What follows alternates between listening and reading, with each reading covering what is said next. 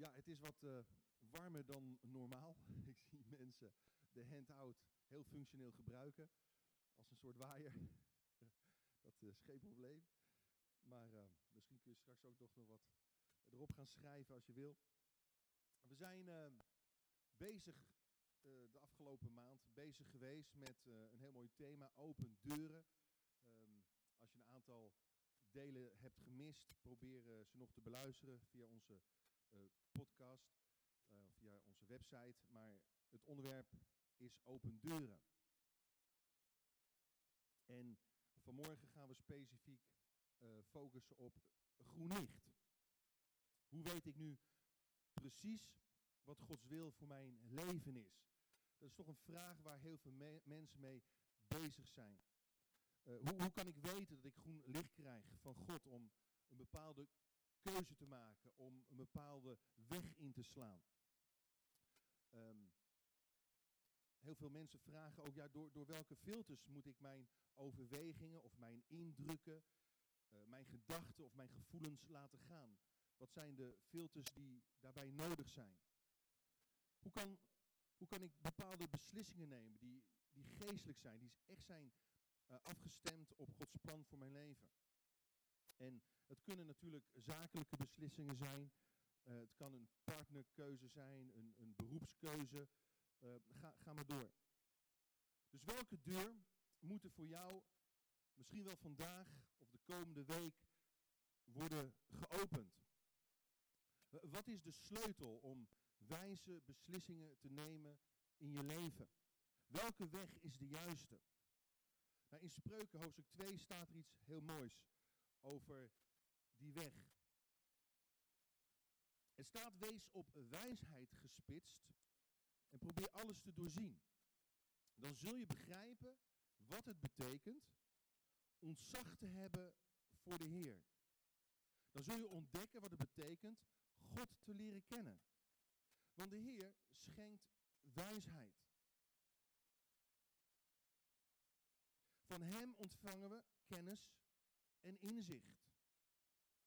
En dan zul je begrijpen wat het betekent eerlijk te zijn, oprecht, rechtvaardig. Altijd zul je weten welke weg de juiste is. Altijd zul je weten welke weg de juiste is. Nou, we leven in een multiple, multiple choice cultuur. We worden voortdurend geacht keuzes te maken. En er zijn heel veel variaties mogelijk, heel veel mogelijkheden. We hebben een legio aan keuzemogelijkheden. En als ik eerlijk ben, hoe meer mogelijkheden ik heb of krijg, hoe moeilijker de keuze. Ik weet niet of je dat, dat ook hebt, maar um, als je iets wil kopen en je staat voor heel veel keuzes, heel veel keuzemogelijkheden, dan weet je op een gegeven moment niet meer wat je wil kopen. Ik wilde laatst gewoon een potje pindakaas in de Albert Heijn kopen. En ik kon kiezen tussen Calvé pindakaas, um, eigen huismerk pindakaas, uh, crunchy pindakaas, creamy pindakaas, pindakaas met noten, pindakaas zonder noten, uh, uh, light, ga zo maar ver, ga zo maar door. En, en mijn verbazing schetste dat ik bijna tien minuten lang voor potjes pindakaas had staan kijken. En ik kwam thuis met een potje Nutella. Ja.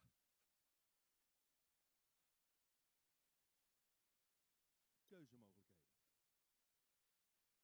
Maar goed, soms kunnen bepaalde keuzes die heel erg uh, onbelangrijk lijken, toch hele grote gevolgen hebben voor de rest van ons leven.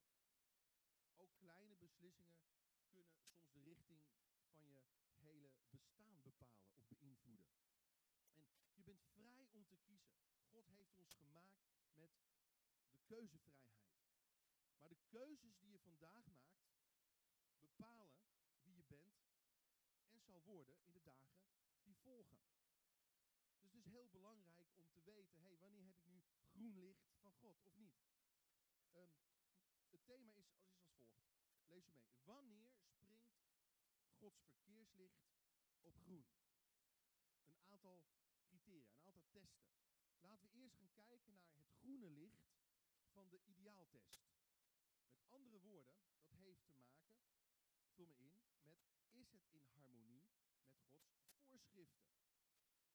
Is de keuzes die ik ga maken in harmonie met Gods voorschriften, met zijn richtlijnen, met zijn principes, met, met zijn gedachten, met zijn uitgangspunten? We hebben niet alleen een intern navigatiesysteem nodig. Dat kan ons geweten, ons gevoel zijn. We hebben vooral een objectief, extern navigatiesysteem nodig. Het woord van God. Dus wat ik beslis die gaan doen, is dat in harmonie met de Bijbel. Op welk kruispunt van je leven je ook staat. Dit is het eerste groene licht waar je rekening mee moet houden. Waaraan je kunt weten of je door kunt rijden. In het leven moet ieder mens kiezen wie of wat zijn ultieme autoriteit is. Het komt neer op twee dingen. De Bijbel, het woord van God, wordt de maatstaf waaraan je alles toetst. Of de wereld en haar opvattingen wordt de leidraad waaraan je alles toetst. Het woord van God of de wereld. God zegt of wat mensen zeggen. Dus ik vraag me altijd af, wat is betrouwbaar? Wat is geworteld in de waarheid? Uh, wat is duurzaam? Ik, ik ga voor duurzaamheid. En Jezus zei ook, iedereen die bij mij komt, mij hoort en doet wat ik zeg, die lijkt op een man die een huis ging bouwen. Hij groef een diepe gat en legde de fundering op de rots. En bij een overstroming beukte de rivier tegen het huis. Maar hij kon het huis niet aan het wankelen brengen, die storm. Want het was stevig gebouwd. Het was stevig gebouwd. Het was gebouwd op een rots. En in Israël had je soms van die rivierbeddingen die in de zomer helemaal droog kwamen te staan. En, en het was zanderig en het leek op zich heel mooi, heel idyllisch. Uh, misschien met een paar palmbomen erbij. En het was aantrekkelijk in eerste instantie om, om heel kortstondig snel iets, iets te gaan bouwen. Snel een, een dak boven je hoofd in elkaar te zetten. Een, een huisje van, van hout of van riet. Maar ja, op een gegeven moment kwamen daar die stormen. Op een gegeven moment kwam daar die winter. Op een gegeven moment kwam daar die, die vloedgolf of wat dan ook. En, en, en dan beukte de rivier tegen zo'n huisje aan en werd het verwoest. En, en sommige dingen kunnen heel aantrekkelijk lijken. Vaak de weg van de minste weerstand. Op een gegeven moment komt het erop aan van, hey, hoe diep ben je geworteld? Hoe stevig sta je vast? En zo zegt Jezus in Lucas 6, vers 49, maar iemand die mij hoort en niet doet op wat ik zeg, die lijkt op een man die een huis neerzette zonder een fundering te leggen. De rivier beukte er tegenaan en meteen stortte het in. En het werd een grote ruïne. Dus maak je van je, van je leven een stevig huis of maak je van je leven een ruïne? Dat heeft te maken met dit principe, deze test, de ideaaltest. Je kunt je leven afstemmen op dat het wankel is. Wat aan verandering onderhevig is. Of je kunt je leven afstemmen op principes die nooit veranderen. Die geworteld zijn in Gods karakter. Weet je, je kunt Gods richtlijnen en zijn voorschriften niet zonder gevolgen negeren. Het komt altijd ten goede of ten kwade weer naar je toe. Probeer de wet van de zwaartekracht maar eens te ontkrachten. Ga op het dak van je, van je huis staan en, en, en, en denk dat je een vogel bent of zo. Verbeeld je dat je een vogel en, en spring er eens vanaf. Probeer te vliegen. Dat gaat niet lukken. Je kunt de zwaartekracht niet voor de gek houden. En net zo goed geldt dit voor geestelijke principes. In Galaten 6, vers 7 lees je mee staat dit. Vergis u niet. God laat niet met zich spotten. En wat de mens zaait, zal hij ook oogsten. En wie op de akker van zijn zondige natuur zaait, oogst de dood. Maar wie op de akker van de geest zaait, oogst het eeuwige leven. Eigenlijk zegt Paulus hier, weet je, je kunt je neus ophalen naar God. Dat, dat bedoelt hij letterlijk met, met spotten in het Grieks. Je kunt je neus zo, wat denkt u nou wel, ophalen naar God. En, en denken dat er geen zullen zijn, maar die zullen er wel zijn. Het is namelijk een wetmatigheid dat wat je zaait op de akker van je leven, dat zal je ook oogsten. En ook al begrijp je niet altijd waarom God kaders aangeeft, misschien op seksueel gebied of ethisch gebied. Je mag erop vertrouwen dat God het beste met je voor heeft. Ik begrijp bijvoorbeeld niets van mijn dieselmotor in mijn auto. En ik weet nog heel goed dat ik een paar jaar terug per ongeluk benzine erin had getankt. En ik wilde gewoon doorrijden.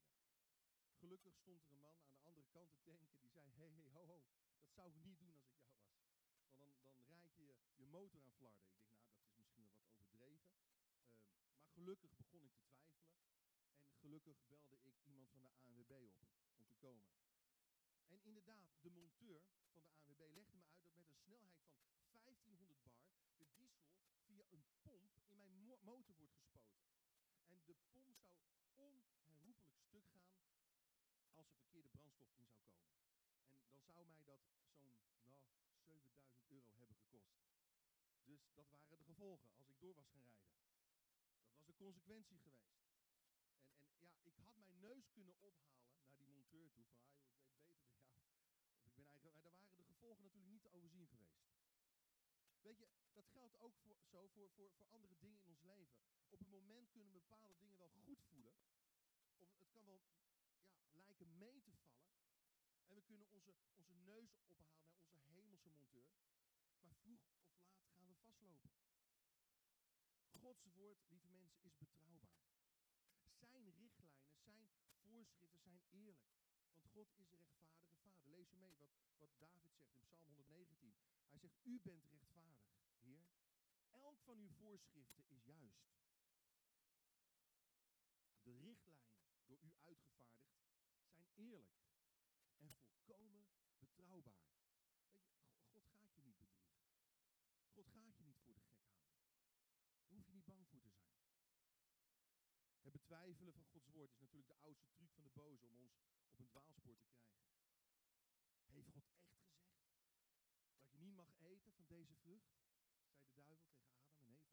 Heeft God het echt, echt zo bedoeld? Weet je, als we iets tegenkomen in de Bijbel wat ons niet aanstaat, dan, dan het heel snel ter, ter discussie. Want dat moet in ons straatje passen natuurlijk. Maar waar het ook mee te maken heeft, is dit. Het gaat er uiteindelijk om dat je de heerschappij van God in je leven erkent en toelaat. Daarom wil je je keuzes in harmonie brengen met dat wat God zegt in zijn woord. Want God liegt niet. En wat God belooft, doet hij. En als God richtlijnen voor ons leven geeft, dan is dat niet om ons te belemmeren, om ons te beschermen. Dan is dat niet om ons te vervloeken, maar om ons te zegenen. Dus is mijn keuze in harmonie met Gods woord. Groen licht nummer 1. Ten tweede, het groene licht van de integriteitstest. Vult u me in. De integriteitstest. Hoe eerlijk ben ik? Naar God toe, naar mezelf toe, naar mensen om me heen toe. En de vraag die hierbij is deze. Zou ik zonder schaamte of verborgen agenda mensen van mijn keuze op de hoogte kunnen stellen? Zonder schaamte, zonder schuldgevoel. Weet je, als je een beslissing neemt waarna je geweten onrustig wordt, dan moet er eigenlijk een, een alarmbelletje afgaan. Als je je zorgen gaat dat andere mensen erachter kunnen komen, dan is dat wellicht een indicatie dat die keuze niet goed zal zijn. Niet deugt. En de kans is groot dat je, dat je geheimen gaat koesteren. Dat je dingen gaat verbergen. En stiekem gaat doen in je relaties. Er staat in Spreuken 10 vers 9 het volgende. Wie oprecht leeft, oprecht, integer, is veilig. Maar wie slinkse wegen gaat, slinks kronkelpaden gaat, wordt doorzien. Kronkelpaden gaat, wordt ontmaskerd. Weet je, je leeft, je leeft dan in angst dat, dat iemand erachter kan komen. Maar de integriteitstest helpt je om te kijken in hoeverre je privéleven en je publiek leven op één lijn staan. Is wat je zegt en dat wat je doet in harmonie met elkaar? Of, of spreken ze elkaar tegen? Met deze test, test kun je dus jezelf niet voor de gek houden. Want je kunt het niet winnen van je geweten. Kan ik dit doen met een goed, een zuiver, oprecht geweten? Of niet? En ik ben eerlijk, weet je wat, wat voor ons vaak lastig is? Dat zijn die grijze gebieden, weet je? Wat niet duidelijk goed of fout is. En de Bijbel geeft ons de volgende richtlijn. Door de apostel Paulus heen. Lees mee Romeinen 14, vers 22.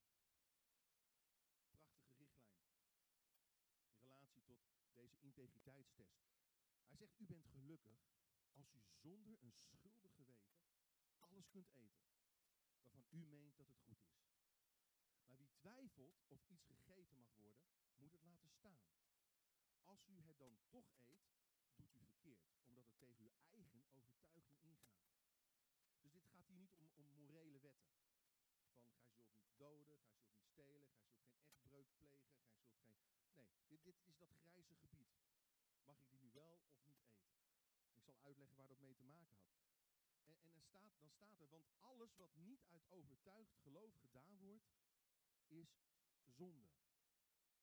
Het geval hier was dat in de Romeinse vleeshallen vlees werd verkocht dat vooraf in de tempels aan de afgoden werd geofferd. Dus moet je je voorstellen, je gaat iets kopen in een winkel wat aan een afgod is geofferd. Mag ik dat dan wel kopen of niet kopen? Dat is best, ja, best wel tricky eigenlijk.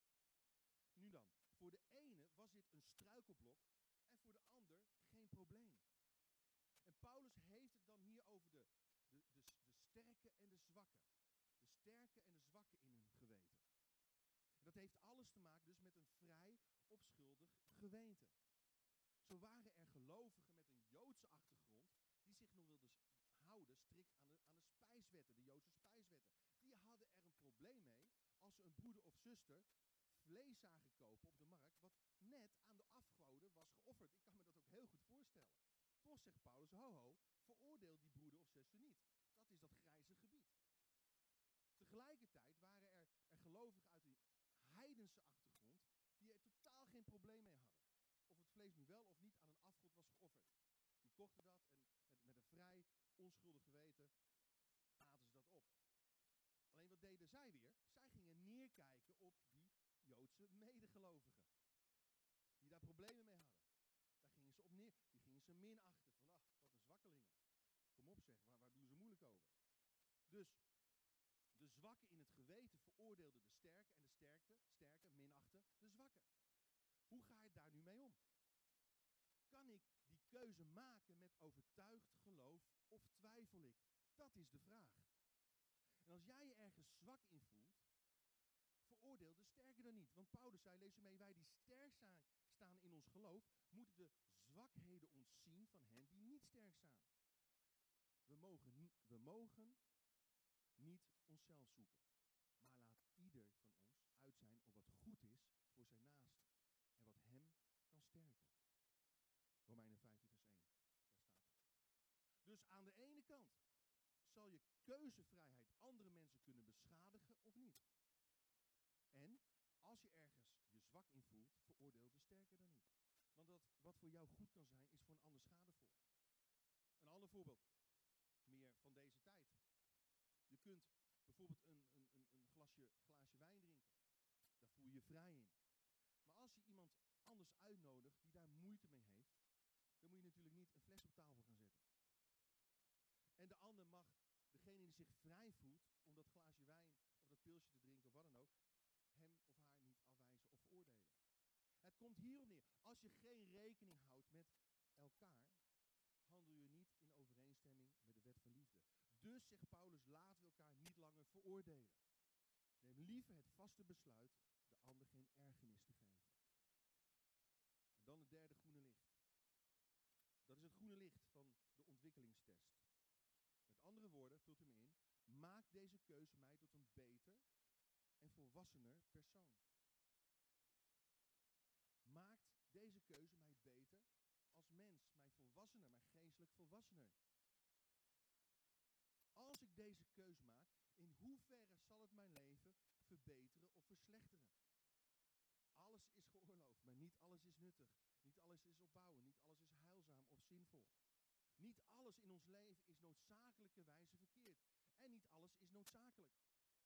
Niet alles is zwart of wit. En Paulus zegt in dit verband in 1 Korinthe 10 vers 23, alles mag, zeg ik u, zeker, maar niet alles leidt tot iets goeds. Alles mag, ja, maar niet alles bouwt op. Kijk, veel keuzes in ons leven zijn niet meteen gericht op hele goede of hele slechte, verkeerde dingen. Word s'morgens niet wakker met de gedachte, zal ik nu mijn Bijbel gaan lezen of zal ik nu eens een bank gaan overvallen? Nee, zo, zo werkt dat niet. Veel activiteiten in ons leven zijn gewoon neutraal. Niet goed of fout. Maar ze kunnen bijvoorbeeld wel onnuttig zijn. Of ze kunnen soms zonde van onze tijd zijn. Ja, wie, wie kijkt er tegenwoordig niet naar Netflix-series? Netflix. Ja, ik ook hoor. En, en ik zal je zeggen, er zitten hele goede series tussen. Zitten ook hele slechte series, moreel gezien dan. Dus pas op waar, je, waar, je naar kijkt. Maar bepaalde series of programma's zijn niet per definitie goed of fout. Dus dat is weer typisch zo'n vaag reisgebied. Hoe ga ik daar nu als christen, als gelovige mee om? Toch kan het zijn dat je er verslingerd aan raakt. En heel veel kostbare tijd verspeelt. Want laat we eerlijk zijn, het, is, het, is, zit heel goed in elkaar. Zo'n zo'n uh, een van, van een, een, serie, dat duurt niet langer vaak dan 45 minuten. Nou, ik denk, nou, dat kan nog wel eventjes. Ja, als je dat deel hebt gezien, dan wil je het volgende deel ook zien. Hè? Dat kan met Netflix. Je hoeft niet een week te wachten of zo. Je, hoeft niet naar, naar een videotheek te, te, te, te rijden of te fietsen om een... Nee, je kunt gewoon weer verder kijken. Dus pas op. Je kunt gekluisterd uren voor de buis zitten. Geen tijd voor stille tijd. Geen tijd om je te verdiepen in Gods woord. Geen tijd om te connecten met andere gelovigen. Geen tijd om je gaven en talenten in te zetten in de gemeente. Dus, dus de vraag is hier niet, wat is hier verkeerd aan? De vraag is, word ik hier een beter mens van? Bevorder ik mijn ontwikkeling? Ik zeg niet dat je geen Netflix-series mag kijken, begrijp me niet verkeerd. Maar, kan ik dit wel of niet zien? Luister, draagt dit bij aan de vernieuwing van Gods beeld in mij? Stimuleert mijn keuze mij in of zal deze keuze mijn geestelijke groei belemmeren, verhinderen? Kijk, je bent verantwoordelijk voor hoe je omgaat met de vrijheid die God jou geeft. Maar die vrijheid heeft wel een prijs. Wel een prijs gekost. En die vrijheid is ook weer niet vrijblijvend. Paulus zei, weet je wat je vroeger ook hebt gedaan? Weg met, met, met woede. Weg met wrok. Weg met boosheid. Weg met gevloek en schandelijke taal.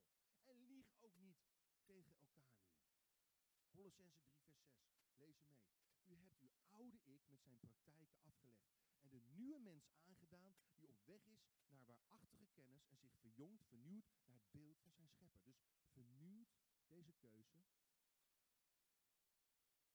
het beeld van de schepper in mij, of niet? En dan ten vierde, het groene licht van de onafhankelijkheidstest. Word ik hierdoor een slaaf of blijf ik innerlijk vrij? Word ik hierdoor een slaaf of blijf ik innerlijk vrij? Heeft deze keuze een verlossende of verslavende werking op mij? Sta jezelf niet toe, zegt Paulus, dat je keuze ertoe zal leiden een slaaf te worden van iets of van iemand. Ben je afhankelijk om je goed te voelen van een bepaald product, van een bepaald persoon, buiten God om of niet? Door wie of wat laat je je beheersen? Laat ik Jezus regeren in mijn hart of laat ik zorgen regeren? Laat ik begeerte regeren? Laat ik leugen regeren? Laat ik hoogmoed regeren? En Paulus zegt in 1 Korinthe 6 vers 12, zeker alles is mij toegestaan, maar ik mag me door niets laten beheersen. Tenzij natuurlijk door de Heilige Geest. Maar bedenk dat het lichaam er niet is om ontucht mee te plegen. En ontucht is het woordje, pornea, heeft te maken met allerlei seksuele relaties buiten het huwelijksverbond om. Waar staat het dat je geen seks mag hebben voor het huwelijk in de Bijbel? Staat onder andere hier. En natuurlijk gaat het hier ook over prostitutiebezoek. Maar het woordje nogmaals ontucht heeft betrekking op, op alle seksuele relaties buiten het huwelijksverbond om tussen man en vrouw. Dus bedenk, zegt Paulus, dat het lichaam er niet is om ontucht mee te plegen. Het is er voor de Heer. En de Heer is er voor het lichaam. Want jullie zijn gekocht met een prijs. En dat is het bloed van Jezus. Het kostbare bloed van Jezus. De hoogste prijs die er maar is. Die je maar kunt bedenken. Die is neergelegd om jouw leven vrij te kopen van de macht van de zonde. Dus datgene zegt Paulus, pas want datgene wat je beheerst, datgene wat je bindt, dat wordt je afgod. En God zegt heel duidelijk in zijn woord, ook in het Oude Testament, vereer geen andere goden. Laat je niet door andere goden beheersen of overheersen. Weet je, God aanbidden, dat leidt altijd tot innerlijke vrijheid. Maar afgoden aanbidden leidt tot innerlijke gebondenheid. De eerste regel in de tien geboden luidt als volgt. Exodus 20 vers 2. Ik, de Heer, zegt hij. Ik ben jullie God. Ik heb je uit Egypte gehaald. Het slavenhuis. Dat slavenoord. Houd er geen andere goden op na. Ik ben. Ik ben er immers. Ik zal zijn, ik zal zijn voor je. Ik ben de God van het verbond, de God van de verbondenheid. Ik wil verbondenheid met je. Ik wil innerlijke omgang met je. Vertrouwelijke omgang met je. Weet je, een afgod. Een afgod is niet beperkt aan, aan een beeldje ergens in, in een inheems oord. Weet je, vaak denken we aan afgoden, allemaal van die. Nee, het is veel subtieler. Je kunt het merk van je auto aanbidden. Je, kunt een kledingmerk aanbidden. Je kunt een carrière aanbidden. Je kunt een hobby aanbidden. En de vraag is wanneer weet je dat een afgod je leven binnendringt? Heel simpel. Wanneer er iets of iemand is dat jouw leven domineert. Iets dat jouw leven, jouw gedachten, jouw attentie, jouw gevoelens, jouw affectie helemaal in beslag neemt. Hoe weet je dat je ergens aan gebonden bent? Heel simpel. Waar denk je het meest aan? Waar denk jij het meest aan?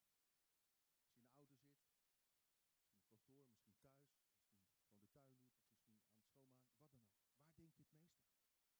Denk, denk, je, denk je de hele dag aan je internetrelaties? Dan ben je een webaholic. Kun je niet anders dan aan je werk denken, dan ben je een workaholic. Denk je de hele dag aan chocolade, dan ben je een chocoholic. Ja, en, en het is, laat ik eerlijk het is best moeilijk om hier, hier eerlijk over te zijn. Mensen die mij goed kennen weten dat ik van lekker eten hou. Ja, kun je ook wel zien. Het is een uitdaging voor mij, dus bid voor me.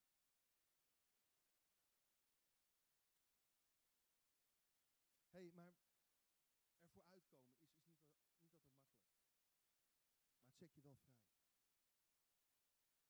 Test je keuzes aan de hand van dit groene licht.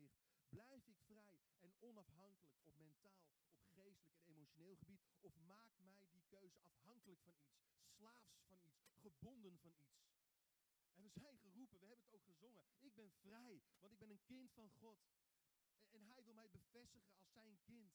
Hij, hij heeft mij waarlijk vrijgemaakt door Jezus Christus. Hij is de weg en de waarheid en het leven. Hij alleen kan mij ten diepste vervullen. Hij alleen kan mij ten diepste bevestigen. En dat is waar God op uit is. Niet, niet om ons te veroordelen. Om ons aan te klagen. Om ons te bevestigen. Om ons te bemoedigen. Om ons te stimuleren in onze geestelijke groei. Onze geestelijke ontwikkeling. En dan de laatste test. Omdat het warm is, zal ik die kort houden. groene licht van de consistentietest. Wat bedoel ik daarmee? Heeft met deze vraag te maken, vult in. Is het in overeenstemming met hoe God mij gevormd heeft? Is het in overeenstemming met hoe God mij gevormd heeft? Weet je, als je, als je nadenkt over hoe God je wilt gebruiken, denkt u daar wel eens over na? Wie denkt er wel eens hoe, hoe God mij kan gebruiken? Denkt u daar wel eens na? Of ik zou zo graag door God gebruikt willen worden. En dan is deze vraag van belang. Is het consistent in overeenstemming met hoe God mij gevormd heeft? Hoe ik mij heb ontwikkeld in mijn leven?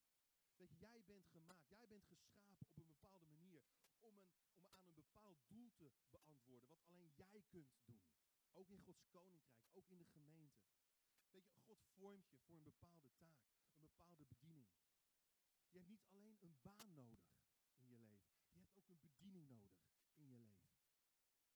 En er zijn dingen waar je warm voor loopt. Er zijn dingen die je koud laten. Er zijn, zijn dingen die je leuk vindt en, en dingen waar je een hekel aan hebt. Er zijn dingen die je uitdagen en er zijn dingen die je vermoeien. Hoe komt dat? Dat heeft met jouw shape te maken. Dat komt omdat jij uniek bent en alleen jij jij kunt zijn. Kijk dus naar het ontwerp van je leven. De vorm die je leven heeft gekregen. Door je speciale gaven heen. Door je hartgerichtheid heen. Door je aanleg heen. Door je persoonlijkheid heen en door de som van al je ervaringen heen. Dat is je shape. In de cursus Next, 10 januari, gaan we weer verder met deel 1 of opnieuw beginnen met deel 1.